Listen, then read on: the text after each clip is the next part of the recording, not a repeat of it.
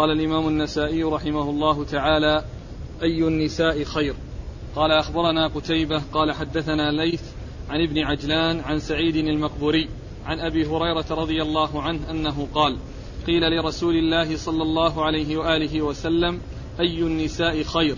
قال التي تسره إذا نظر وتطيعه إذا أمر ولا تخالفه في نفسها ومالها بما يكره.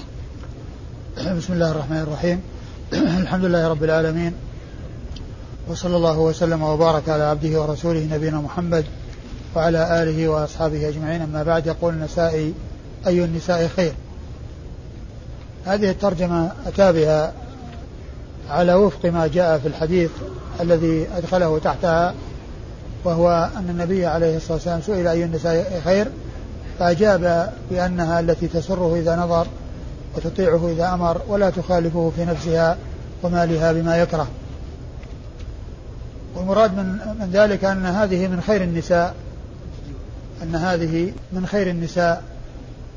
وأورد النسائي حديث أبي هريرة رضي الله تعالى عنه أن النبي صلى الله عليه وسلم سئل أي النساء خير.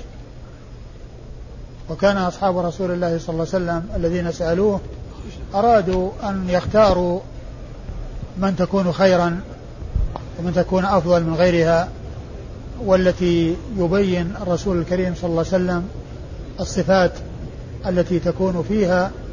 فقال خير النساء التي إذا نظر إليها سرته يعني الزوجة التي إذا نظر إليها الإنسان سرته تسره في منظرها وجمالها وتسره في حسن تصرفها وأخلاقها الحسنة وكذلك تمتثل أمره ولا تعصي له امرا. ومن المعلوم أن هذا في حدود طاعة الله ورسوله صلى الله عليه وسلم وكذلك لا تخالفه في نفسها ومالها بما يكره. يعني معناه لا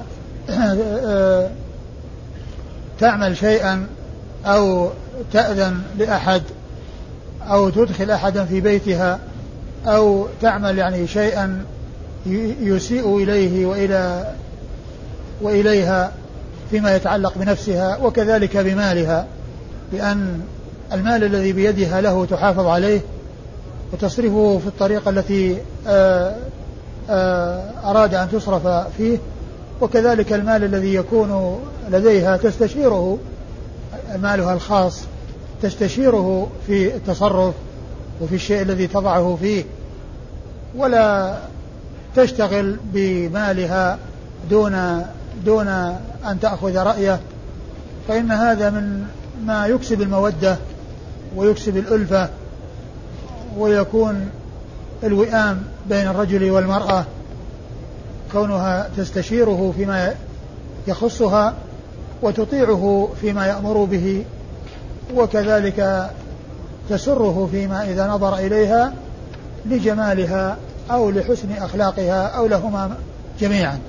وأما إسناد الحديث فيقول النسائي أخبرنا قتيبة. نعم. أخبرنا قتيبة بن سعيد بن جميل بن طريف البغلاني ثقة أخرج له أصحاب الكتب الستة عن الليث بن سعد المصري وهو ثقة فقيه أخرج له أصحاب الكتب الستة عن محمد بن عجلان المدني وهو صدوق أخرج له البخاري تعليقا ومسلم وأصحاب السنن الأربعة عن سعيد المقبوري. عن سعيد المقبوري سعيد بن أبي سعيد المقبوري وهو ثقة أخرج له أصحاب الكتب الستة. عن أبي هريرة رضي الله تعالى عنه وهو صاحب رسول الله صلى الله عليه وسلم وهو عبد الرحمن بن صخر الدوسي وهو أحد السبعة المعروفين بكثرة الحديث عن النبي عليه الصلاة والسلام بل هو أكثر السبعة حديثا على الإطلاق رضي الله تعالى عنه وأرضاه. قال المرأة الصالحة.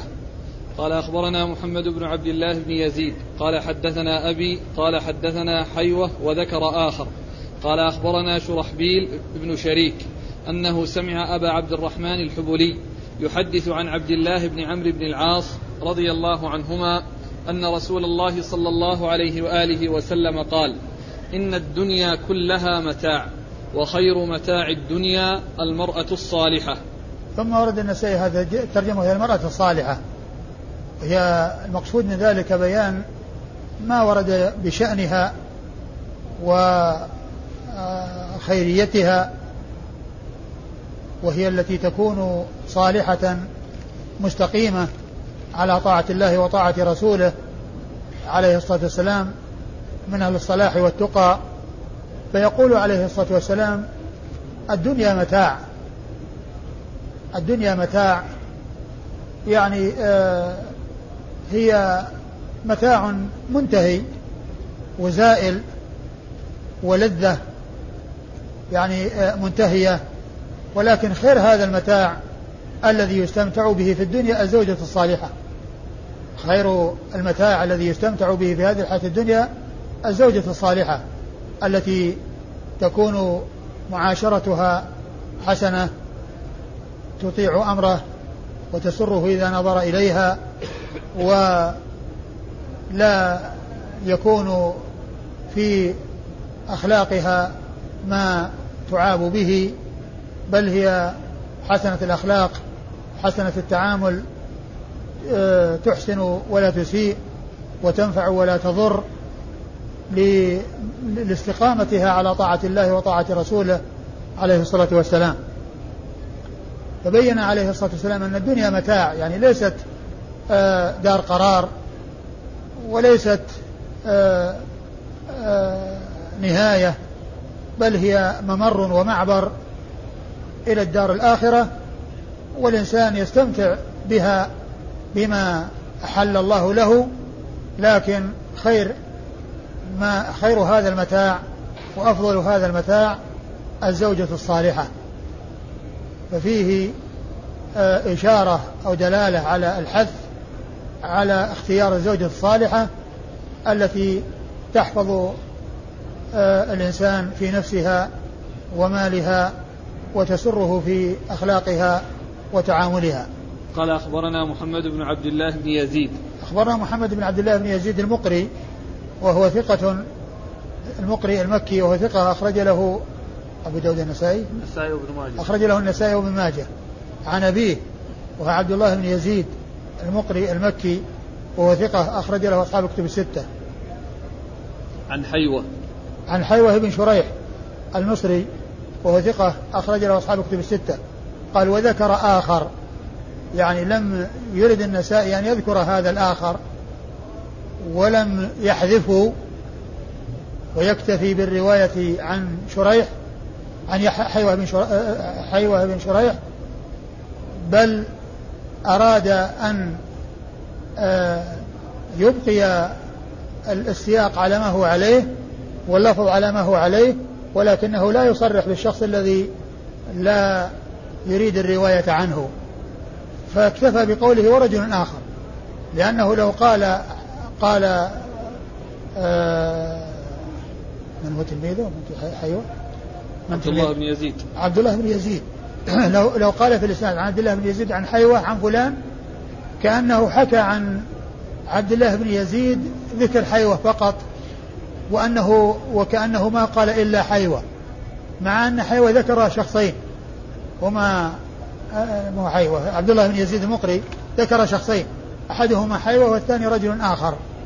وهذا الرجل الآخر الظاهر أنه عبد الله. عبد الله بن لهيعة. الذي كان كثيرا يعني عندما يأتي ذكره في الأسانيد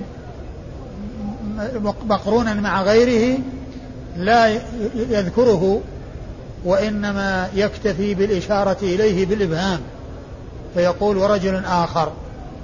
ف آه، وهذا من الدقة والاحتياط لأنه لو لم يقل ورجل آخر لفهم منه أن عبد الله بن يزيد عندما روى إنما روى عن شخص واحد ما أنه روى عن شخصين فهو أبقى على ذكر الشخصين وسمى من أراد تسميته وأبهم من لم يرد تسميته. أيوه. عن شرحبيل بن, ش... بن شريك. عن شرحبيل بن شريك وهو صدوق. أخرج له البخاري في الأدب المفرد. ومسلم وأبو داود والترمذي والنسائي. أخرجه البخاري في الأدب المفرد وأبو داود ومسلم وأبو داود والترمذي والنسائي وابن ماجه. وابن ماجه ما فيه؟ لا ما فيه. نعم. أخرج له أصحاب الكتب الستة. إلا ابن ماجه وإلا البخاري فإنه لم يخرج له في الصحيح بل أخرج له في الأدب المفرد. عن أبي عبد الرحمن الحبلي. عن أبي عبد الرحمن الحبلي هو عبد الله بن يزيد أيضا وهو ثقة. أخرج له البخاري في الأدب المفرد ومسلم وأصحاب السنن. أخرج له البخاري في الأدب المفرد ومسلم وأصحاب السنن الأربعة. عن عبد الله بن عمرو بن العاص.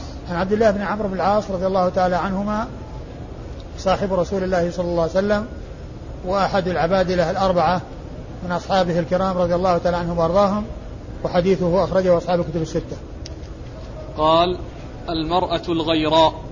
قال أخبرنا إسحاق بن إبراهيم قال أخبرنا النضر قال حدثنا حماد بن سلمة عن إسحاق بن عبد الله عن أنس رضي الله عنه قالوا يا رسول الله ألا تتزوج من نساء الأنصار؟ قال إن فيهم لغيرة شديدة. ثم أورد النسائي المرأة الغيراء وكأن فيه الإشارة إلى آه، أن الأولى عدم زواجها لما يحصل من غيرتها وكثرة آه، آه، مؤاخذتها من المشاكل التي تترتب على ذلك. فالمرأة الغيرة هي التي فيها غيرة يعني التي تغار والتي آه، تحاسب الزوج على كل شيء ولا سيما إذا كان له زوجة أخرى. فإنها تحاسب على الدقيق والجليل وتكون دائما في كلام ودائما في خصام. فهذا هو المقصود المرأة الغيرة. وأورد النسائي حديث. أنس. حديث أنس. نعم. حديث أنس بن مالك رضي الله عنه أن النبي عليه الصلاة والسلام قال قال قيل له ألا تزوج في الأنصار؟ من الأنصار؟ لأن نساء الرسول صلى الله عليه وسلم كلهن من المهاجرات. وقال إن فيهم لغيرة شديدة. إن فيهم لغيرة شديدة. فكأن هذا فيه إشارة إلى إلى سبب الامتناع من الزواج منهم وأن في نسائهم هذا الوصف الذي هو الغيرة. وقد جاء في الحديث عن عن في حديث أم سلمة وزواج الرسول منها وأنها كانت امرأة يعني لها غيرة فالرسول قال أدعو لك أن الله يذهب عنك الغيرة. ف الترجمة المقصود بها يعني ذكر ما يتعلق بالمرأة الغيراء والحديث فيه إشارة إلى أن آه، عدم اختيارها أنه هو الأولى. قال أخبرنا إسحاق بن إبراهيم. إسحاق بن إبراهيم بن مخلد بن راهوية الحنظلي ثقة فقيه. وصف بأنه أمير المؤمنين في الحديث وحديثه أخرجه أصحاب الكتب الستة إلا ابن ماجه. عن النضر. عن النضر هو بن شميل وهو ثقة أخرج له أصحاب الكتب الستة. عن حماد بن سلمة. عن حماد بن سلمة وهو ثقة أخرجه البخاري تعليقا ومسلم وأصحاب السنن الأربعة. عن إسحاق بن عبد الله. عن إسحاق بن عبد الله بن طلحة بن أبي طلحة. إسحاق بن عبد الله بن أبي طلحة وهو ثقة أخرج له أصحاب الكتب الستة. عن أنس. عن أنس بن مالك رضي الله عنه صاحب رسول الله صلى الله عليه وسلم وخادمه وأحد السبعة المعروفين بكثرة الحديث عن النبي عليه الصلاة والسلام. قال إباحة النظر قبل التزويج. قال أخبرنا عبد الرحمن بن إبراهيم.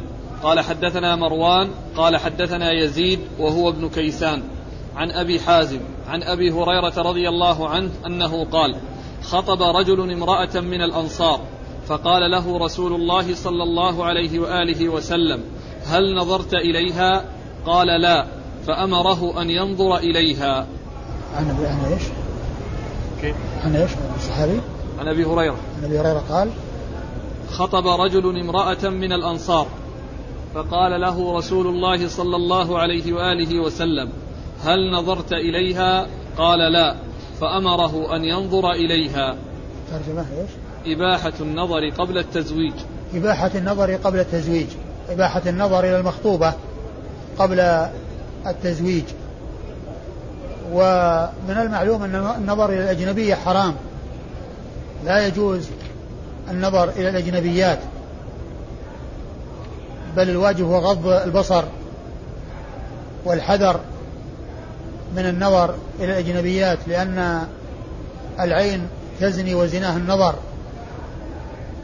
ولكن هذا المحظور وهذا الممنوع الذي منع منه وهو النظر إلى الأجنبيات رخص فيه في بعض الأحوال للحاجة إلى ذلك.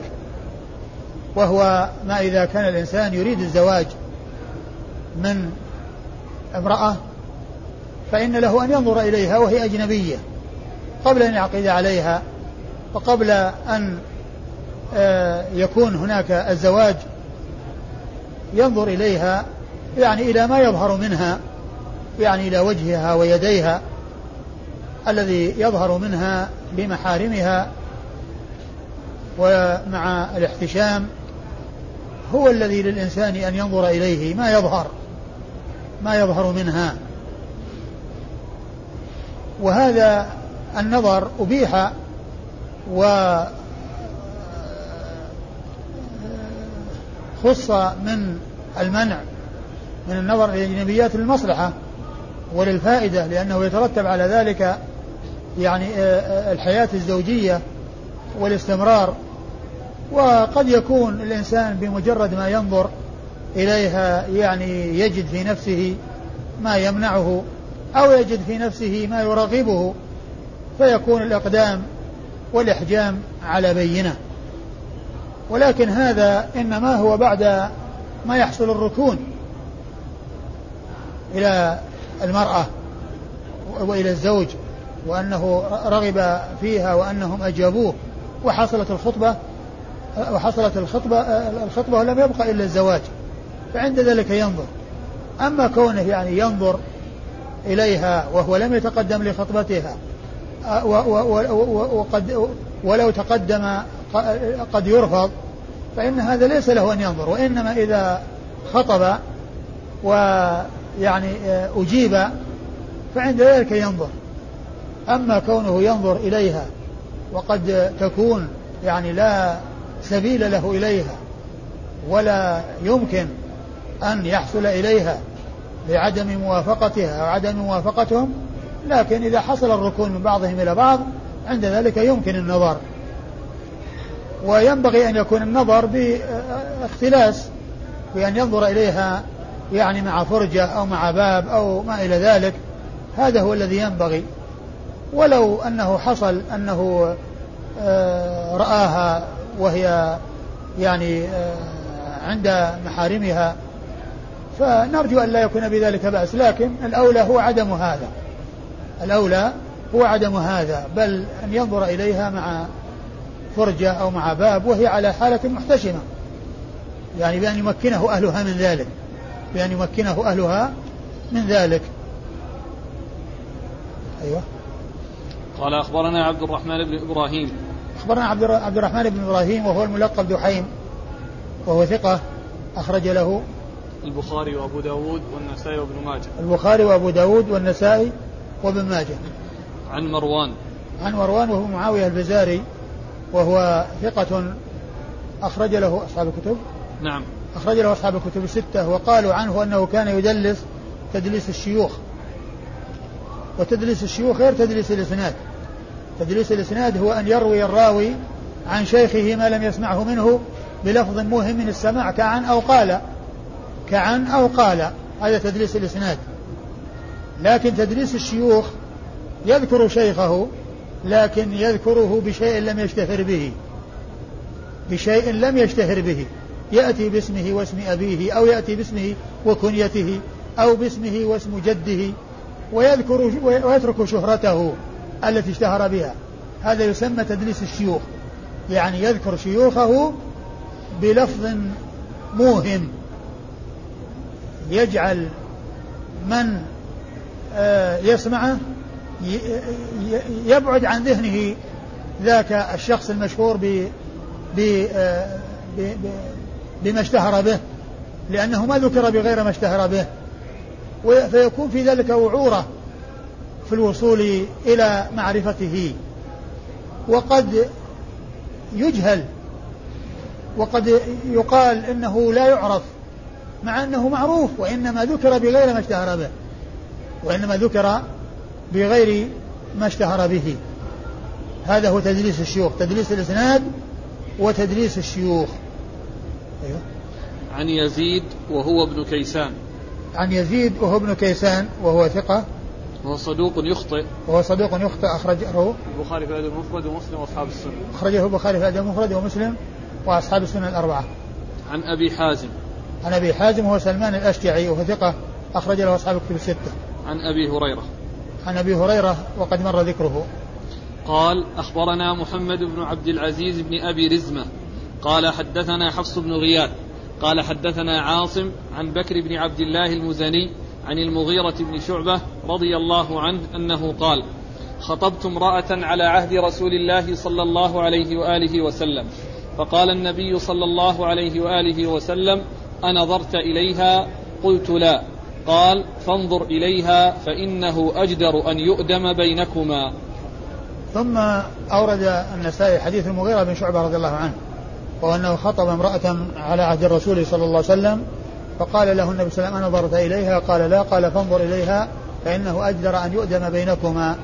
يعني أجدر أن يكون بينكما الوئام والمودة بأن يكون كل واحد على معرفة بشخص الآخر وعلى علم بشخص الآخر لكونه نظر إليها. وهي أيضا يمكن أن تنظر إليه الحديث جاء في كون الرجل ينظر إلى المرأة والمرأة أيضا تنظر إلى الرجل لها أن تنظر إلى الرجل أيضا من قبلها لأنها تحتاج إلى ما يحتاج إليه الرجل وتريد ما يريده الرجل. فيعني آه، للرجل أن ينظر إلى المرأة وللمرأة أن تنظر إلى الرجل.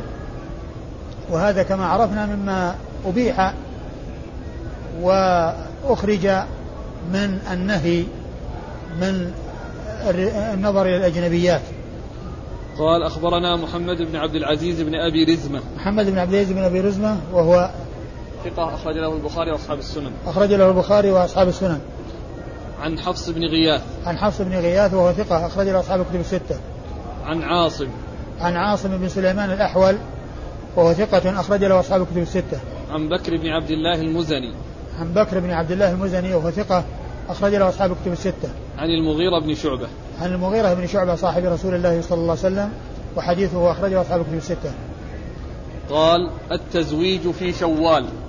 قال أخبرنا عبيد الله بن, بن سعيد. قال حدثنا يحيى عن سفيان. قال حدثني إسماعيل بن أمية. عن عبد الله بن عروة عن عروة عن عائشة رضي الله عنها أنها قالت تزوجني رسول الله صلى الله عليه وآله وسلم في شوال وأدخلت عليه في شوال وكانت عائشة تحب أن تدخل, أن تدخل نساءها في شوال فأي نسائه كانت أحظى عنده مني. ثم ورد النسائي هذه الترجمة هي التزويج في شوال يعني في شهر شوال. آه، آآ آه، أورد النسائي تحت ذلك حديث عائشة رضي الله عنها وأن الرسول تزوجها في شوال وأدخلت عليه في شوال وكانت تحب أن تدخل, تدخل النساء في شوال على الأزواج وقالت أي امرأة أحظى مني يعني عند رسول الله صلى الله عليه وسلم. ومقصودها من ذلك قيل أنهم كانوا في الجاهلية يتشاءمون في التزويج في شوال. فأرادت أن تبين أن هذا الكلام باطل وأن هذه العقيدة يعني باطلة وأن وأنها هي نفسها تزوج تزوجها رسول الله صلى الله عليه وسلم في شوال ودخل عليها في شوال وهي آه، أحظى نسائه عنده صلى الله عليه وسلم ورضي الله تعالى عنها وأرضاها. ففيه بيان إبطال يعني هذه العقيدة الفاسدة وهذا التشاؤم السيء في الزواج في شوال وأن هذا الذي كان في الجاهلية آه، قد حصل في الإسلام هذا الزواج المبارك زواج الرسول صلى الله عليه وسلم بعائشة رضي الله عنها وأرضاها في ذلك الشهر.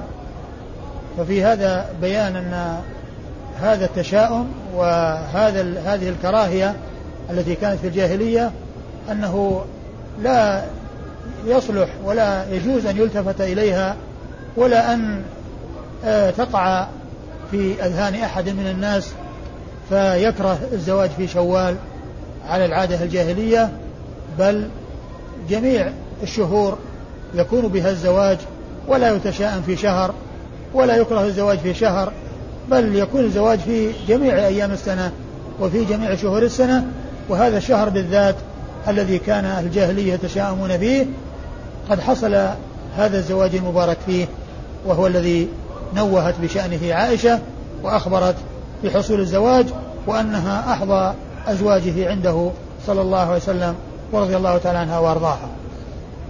نعم. قال أخبرنا عبيد الله بن سعيد. أخبرنا عبيد الله بن سعيد اليشكري السرختي وهو ثقة أخرج له البخاري ومسلم والنسائي. عن يحيى. عن يحيى وهو القطان وهو ثقة أخرج له أصحاب كتب الستة. عن سفيان. عن سفيان وهو الثوري سفيان بن سعيد المسروق الثوري ثقة ثبت فقيه وصف بأنه أمير المؤمنين في الحديث وحديثه أخرجه أصحاب كتب الستة. عن إسماعيل بن أمية. عن إسماعيل بن أمية وهو ثقة أخرج له أصحاب كتب الستة. عن عبد الله بن عروة.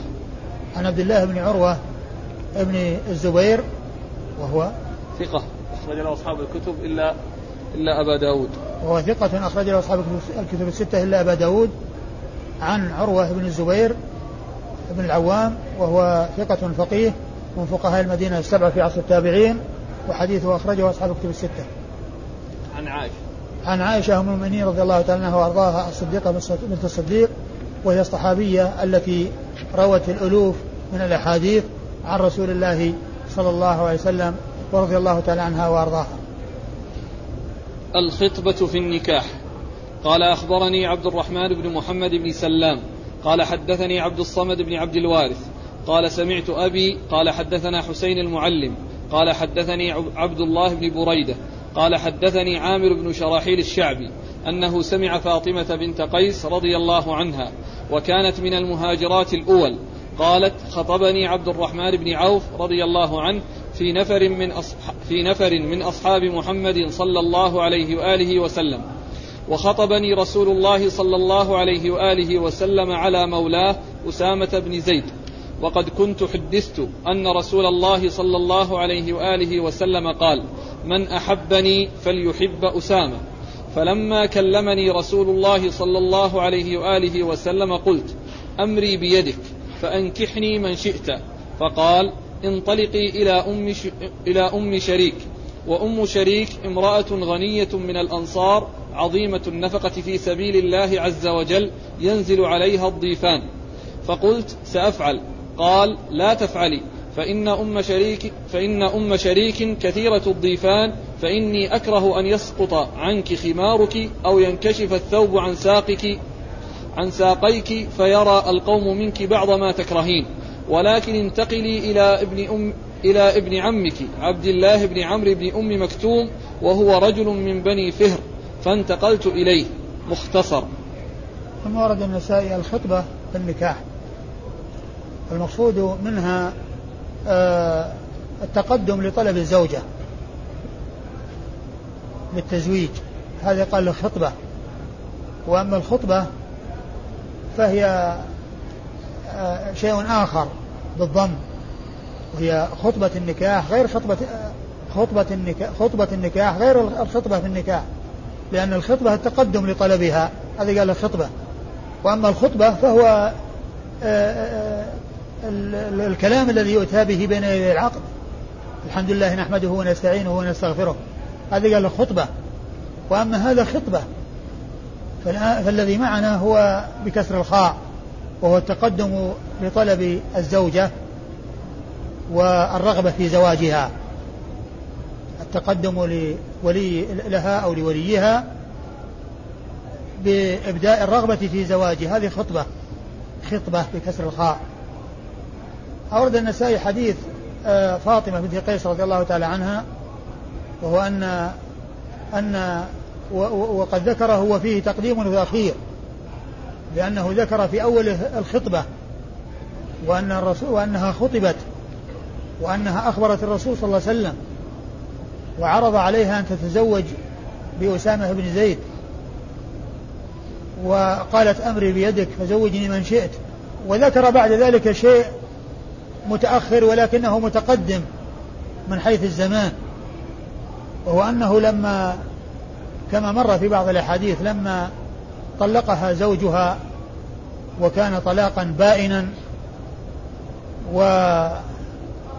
وخرجت أو أرادت أن تخرج من مسكن زوجها الذي لم التي التي طلقها طلاقا بائنا و آه، الرسول صلى الله عليه وسلم أو سألت الرسول صلى الله عليه وسلم من تذهب إليه أو أخبر الرسول صلى الله عليه وسلم في المكان الذي تكون فيه بعد أن طلقت ذلك الطلاق البائن فأخبرها أنها تكون عند أم أم شريك. أم شريك. و ثم إنه عدل عن ذلك لما يحصل عندها من كثرة الضيفان وأنه قد يحصل منها شيء يرى منها ما تكره. فأرشدها إلى أن تذهب إلى ابن أم مكتوم وهو رجل أعمى.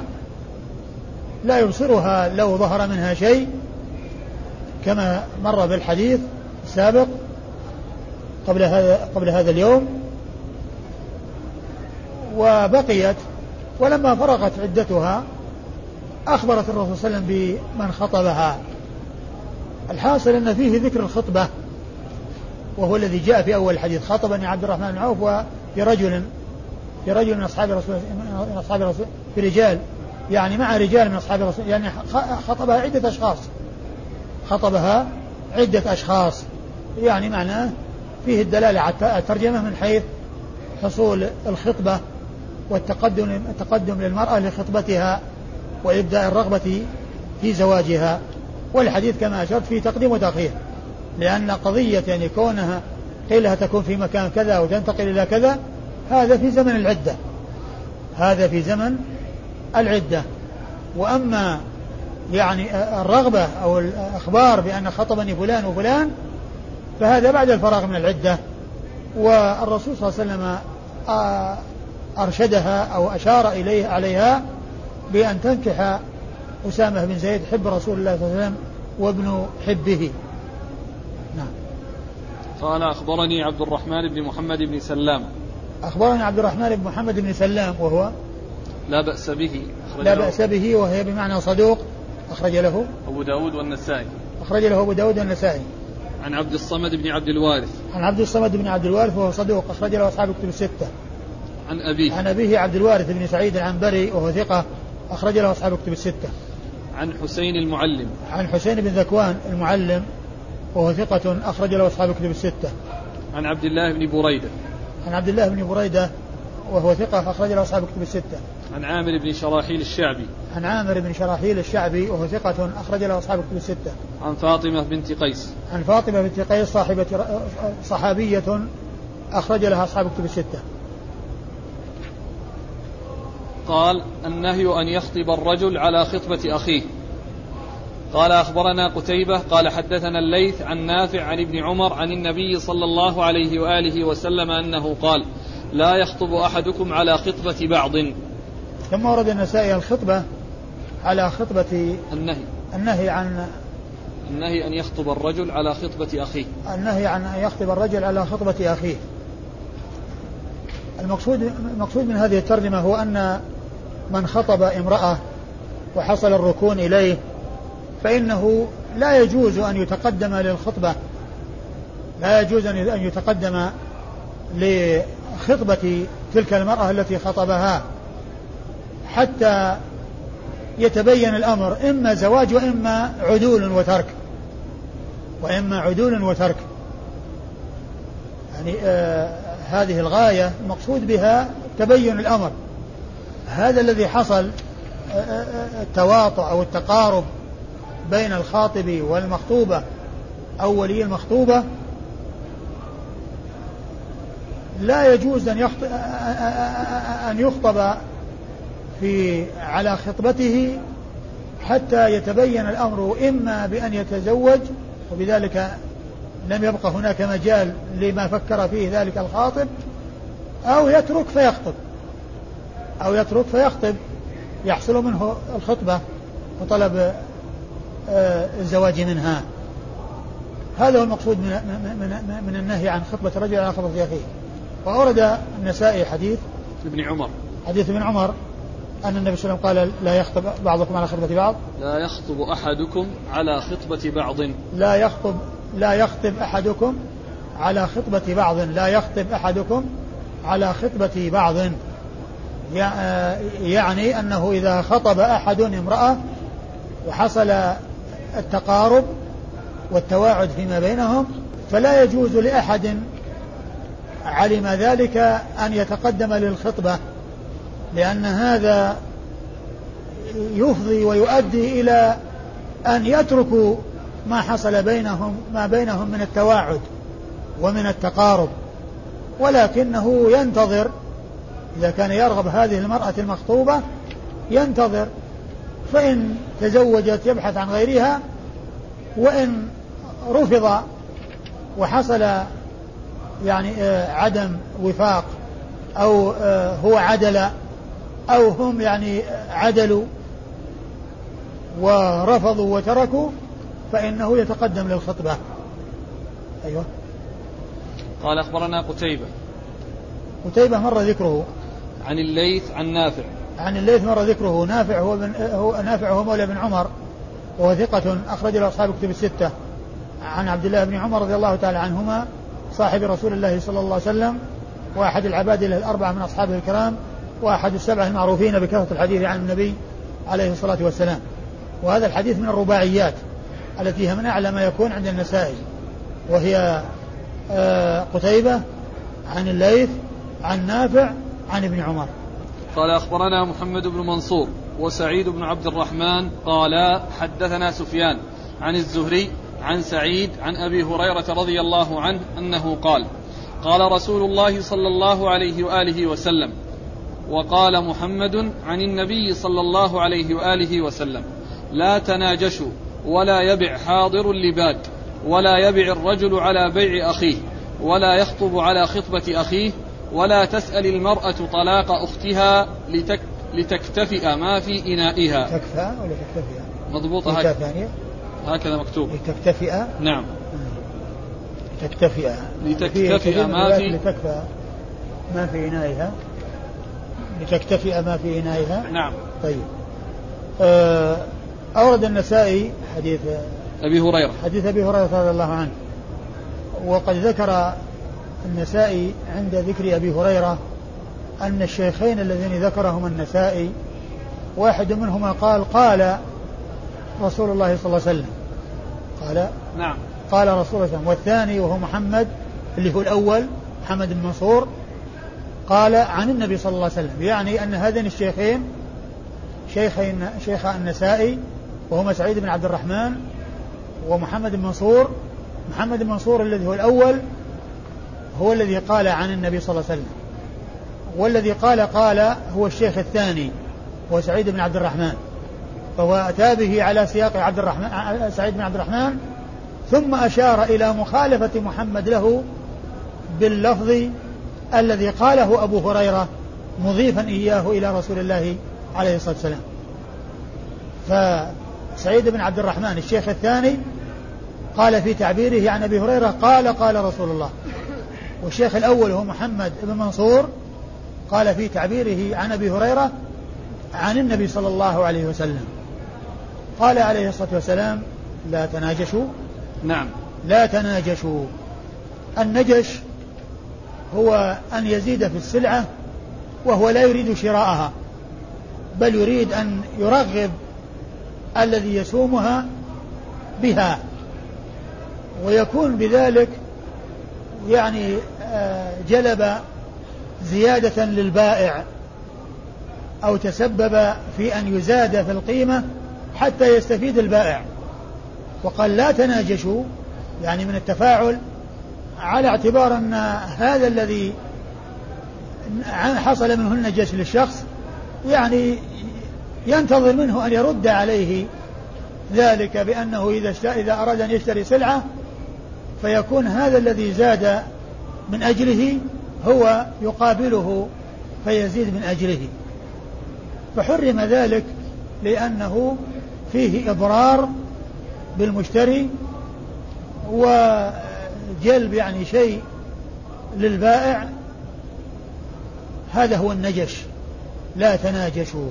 يعني ليس لا يجوز الإنسان أن يزيد في السلعة إلا إذا أراد شراءها.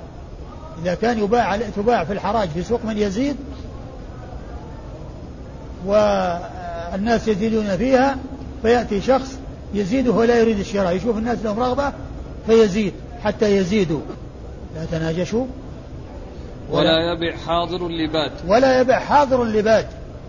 البادي وهو الذي يأتي من البادية ومعه السمن والغنم والأقط والأشياء التي تجلب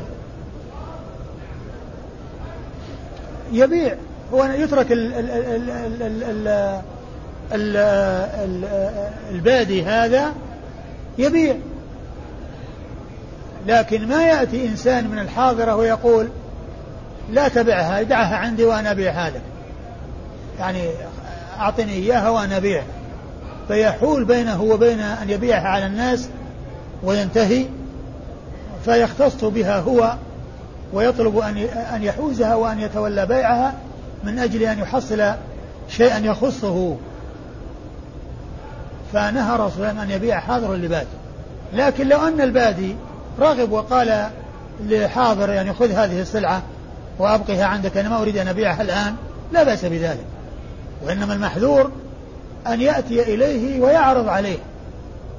يقول له يعني لا تبيعها بالحراج يعني يمكن تبيعها برخص خليها عندي وأنا أبيعها لك على الساعة. أبيعها لك على الساعة. هذا لا يجوز. هذا هو الذي نهى عنه الرسول. لكن لو أن حاضر لو أن باديا جاء جالبا لشيء وما أراد أن يبيعه في الحال وبحث عن شخص أو أراد من شخص أنه يبقي هذه عنده ويبيعها هذا لا بأس به. لأن هذا ما فيه يعني كون حال بين الناس وبين شيء. لأن ذاك ما أراد أن يبيع في الوقت الحاضر. وإنما المحذور أن يعرض الحاضر على البادي بأن لا يترك البيع بأن لا يفعل البيع وإنما يضع السلعة عنده وهو يبيعها على الساعة. ولا يبيع حاضر الباد أيوه. ولا يبيع الرجل على بيع أخيه. ولا يبيع الرجل على بيع أخيه.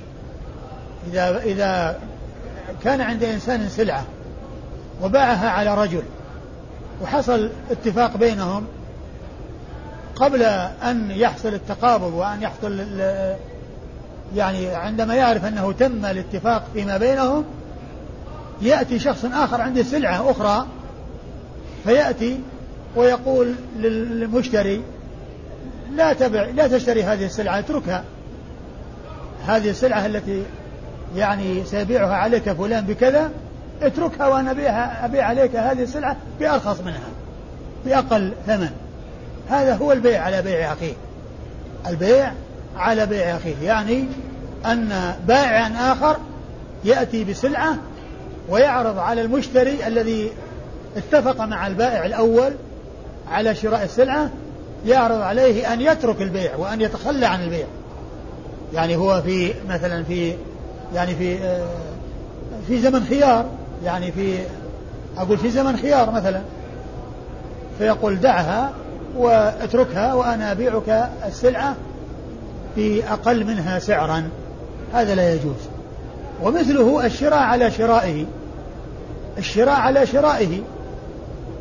يعني بأن يعني والذي ما جاء ذكره.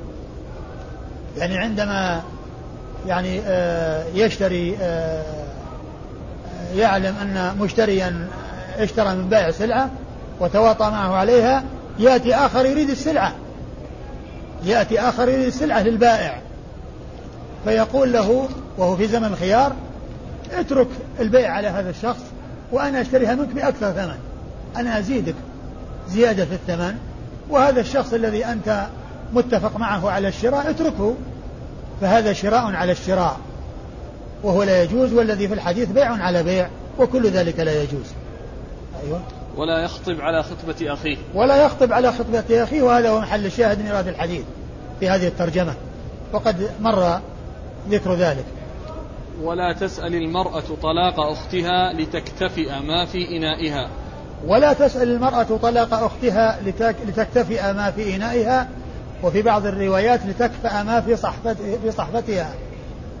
يعني المقصود من ذلك أن المرأة عندما تخطب والخاطب عنده زوجة في عصمته فتقول الزوجة المخطوبة تقول المخطوبة يعني طلق زوجتك التي عندك وأنا أقبل الزواج منك. طلق يعني أنا لا أتزوجك إلا إذا طلقت زوجتي التي في عصمتك. طلقها وأنا أستجيب لطلبك.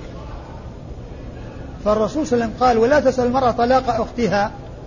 يعني من الخاطب الذي جاء يخطب يخطبها لا تسأل طلاق أختها التي هي في عصمته وهي أخوة في النسب في الدين وليست أخوة في النسب لأن الجمع بين الأختين كما هو معلوم يعني لا يجوز الأختين من النسب وإنما المقصود بالأخوة من في الدين.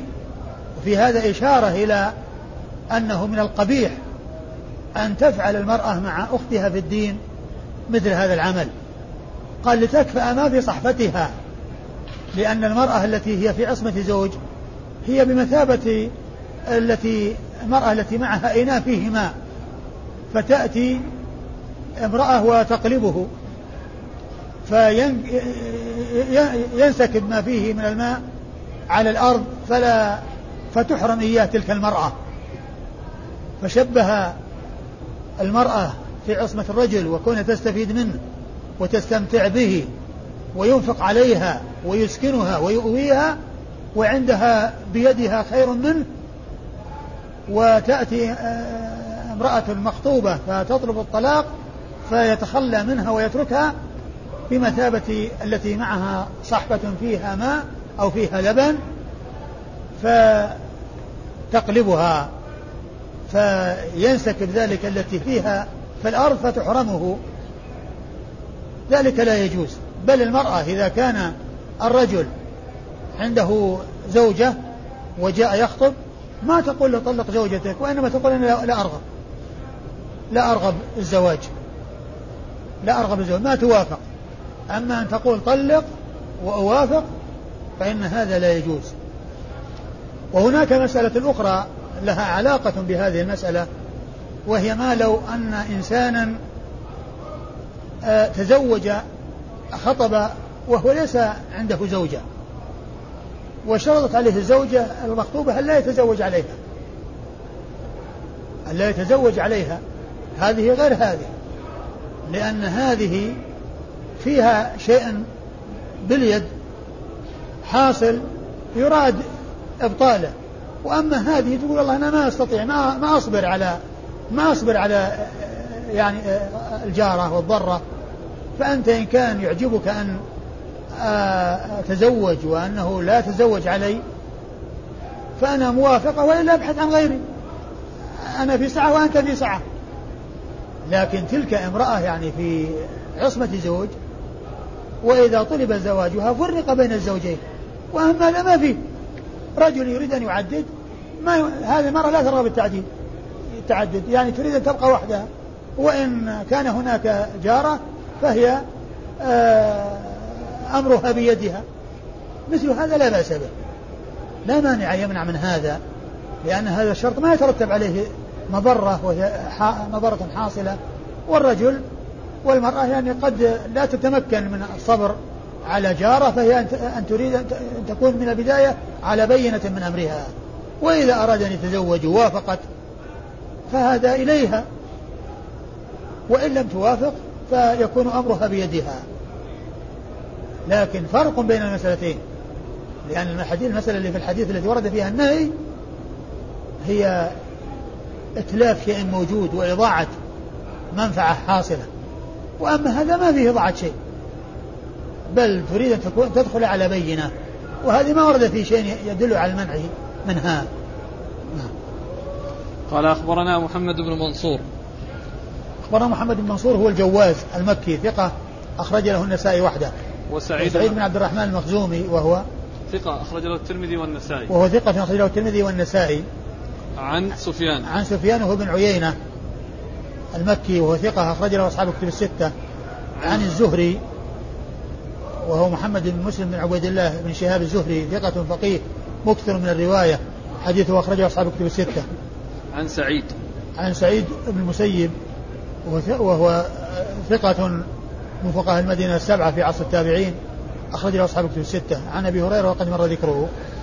قال أخبرني هارون بن عبد الله. قال حدثنا معا قال حدثنا مالك. حاء والحارث بن مسكين قراءة عليه وأنا أسمع عن ابن القاسم. قال حدثني مالك عن محمد بن يحيى بن حبان عن الأعرج عن أبي هريرة رضي الله عنه أن النبي صلى الله عليه وآله وسلم قال لا يخطب أحدكم على خطبة أخيه. أبو هريرة. ثم ورد النسائي حديث أبي هريرة من طريق أخرى وفيه لا يخطب أحدكم على خطبة أخيه. لا يخطب أحدكم على خطبة أخيه وقد عرفنا ما يتعلق بذلك. وأما إسناد الحديث. قال أخبرني هارون بن عبد الله. هارون بن عبد الله هو الملقب الحمال وهو ثقة أخرج له مسلم وأصحاب السنة الأربعة. عن معن. عن معن بن عيسى المدني وهو ثقة أخرج له أصحاب الكتب الستة.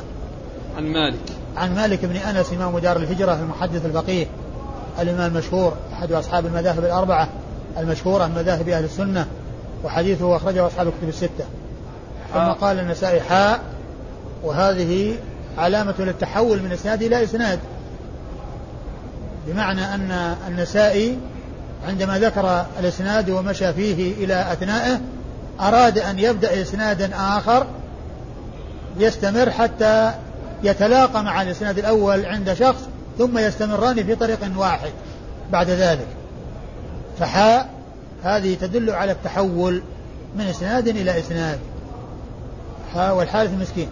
والحارث المسكين ما قال وأخبرني الحارث المسكين. وقد عرفنا فيما مضى أن للنساء حالتين مع شيخ الحارث المسكين. حالة هي أنه غضب عليه ومنعه من أن يجلس في حلقته وأن يروي عنه. فكان في تلك الحال لا يمتنع ولكنه يأتي ويجلس وراء الستار ويسمع ويروي. وفي بعض في حالة أخرى حصل يعني بينهما يعني آه انسجام وتراضي فكان يأذن له. ففي الحالات التي كان مأذونا له يقول أخبرني. والحالات التي ما كان مأذونا له يقول والحارث المسكين أو الحارث المسكين قراءة عليه وأنا أسمع. الحارث المسكين لأنه ما أراد ما قال أخبرني لأنه ما أراد إخباره. فهو في الحالة التي أذن له يقول أخبرني. وفي الحالة التي ما أذن له ما كان يقول أخبرني. وإنما يقول الحارث المسكين أو الحارث المسكين كما هنا. والحارث المسكين المصري ثقة أخرجه داود أبو داود النسائي. عن, عن ابن القاسم وهو عبد الرحمن بن القاسم صاحب الإمام مالك وحديثه وهو ثقة أخرجه حديثه البخاري وأبو داود في المراسيل والنسائي. عن مالك وهو ملتقى الطريقين ملتقى الطريقين ومن مالك يتحد الإسناد. إلى أعلاه أيوة. عن محمد بن يحيى بن حبان. عن محمد بن يحيى بن حبان وهو ثقة أخرج له أصحاب الكتب الستة. عن الأعرج. عن الأعرج عبد الرحمن عبد الرحمن بن هرمز. عن هو عبد الرحمن بن هرمز المدني وهو ثقة أخرج له أصحاب الكتب الستة والأعرج لقب له. ويأتي ذكره باللقب كما هنا ويأتي ذكره بالاسم أحيانا فيقال عبد الرحمن بن هرمز. ومعرفة ألقاب المحدثين نوع من أنواع علوم الحديث فائدتها ألا يظن الشخص الواحد شخصين. فيما إذا ذكر مرة باللقب ومرة بالاسم من لا يعرف يظن أن الأعرج شخص وأن عبد الرحمن بن هرمز شخص آخر. ومن يعلم أن هذا لقب لهذا لا يلتبس عليه الأمر. عن أبي هريرة وقد مر ذكره. قال أخبرني يونس بن عبد الأعلى قال حدثنا ابن وهب قال أخبرني يونس عن ابن شهاب قال أخبرني سعيد بن المسيب عن أبي هريرة رضي الله عنه أن رسول الله صلى الله عليه وآله وسلم قال لا يخطب أحدكم على خطبة أخيه حتى ينكح أو يترك. ثم أورد النسائي حديث أبي هريرة من طريق أخرى وهو مثل ما تقدم لا يخطب أحدكم على خطبة أخيه حتى يترك أو ينكح حتى ينكح أو يترك. يعني حتى يتبين الأمر إما بأن يتم الزواج أو يتم الرفض. إما أن يتم الزواج وبذلك انتهى ولا مجال للخطبة أو يتم الرفض وعند ذلك يكون هناك مجال للخطبة. أو يتم الرفض وعند ذلك يكون آه، مجال الخطبة. وهذا كما قلت فيما إذا حصل آه، آه، تقارب واتفاق. أما إذا كان ما حصل اتفاق وما حصل تواطؤ وما حصل يعني ال يعني تقارب فإنه لا بأس بالخطبة على الخطبة. لأنه ما حصل يعني آه، ما حصل اتفاق وما حصل تقارب. نعم. حتى حتى حتى ينكح يعني يتم الزواج أو يتم الترك. أيوه. قال أخبرني يونس بن عبد الأعلى. يونس بن عبد الأعلى المصري وهو ثقة أخرج له ثقة ولا صدوق؟ ثقة. ثقة أخرج له مسلم. نعم والنسائي بن ماجه. ثقة أخرج له مسلم والنسائي بن ماجه. عن ابن وهب. عن ابن وهب عبد الله بن وهب المصري وهو ثقة فقيه أخرج له أصحاب الكتب الستة. عن يونس. عن يونس بن يزيد الأيلي ثم المصري وهو ثقة أخرج له أصحاب الكتب الستة. عن ابن شهاب عن سعيد عن أبي هريرة. عن ابن شهاب عن سعيد عن أبي هريرة وقد مر ذكرهم. قال أخبرنا قتيبة قال حدثنا غندر عن هشام عن محمد عن أبي هريرة رضي الله عنه عن النبي صلى الله عليه وآله وسلم أنه قال: لا يخطب أحدكم على خطبة أخيه. ثم ورد النسائي حديث أبي هريرة من طريق أخرى: لا يخطب أحدكم على خطبة أخيه. وهو مثل ما تقدم وأما إسناد الحديث أخبرنا قتيبة عن غندر. أخبرنا قتيبة مر ذكره وغندر هو محمد بن جعفر البصري. هذا لقبه وهو مشهور بهذا اللقب وهو يأتي ذكره باسمه وأحيانا ذكره باسمه وأحيانا ذكره بلقبه كما هنا. وهنا جاء ذكر اللقب. غندر هذا لقبه واسمه محمد بن جعفر البصري. ثقة أخرج له أصحاب الكتب الستة. عن هشام. عن هشام وهو بن حسان. وهو ثقة أخرج له أصحاب الكتب الستة. عن محمد.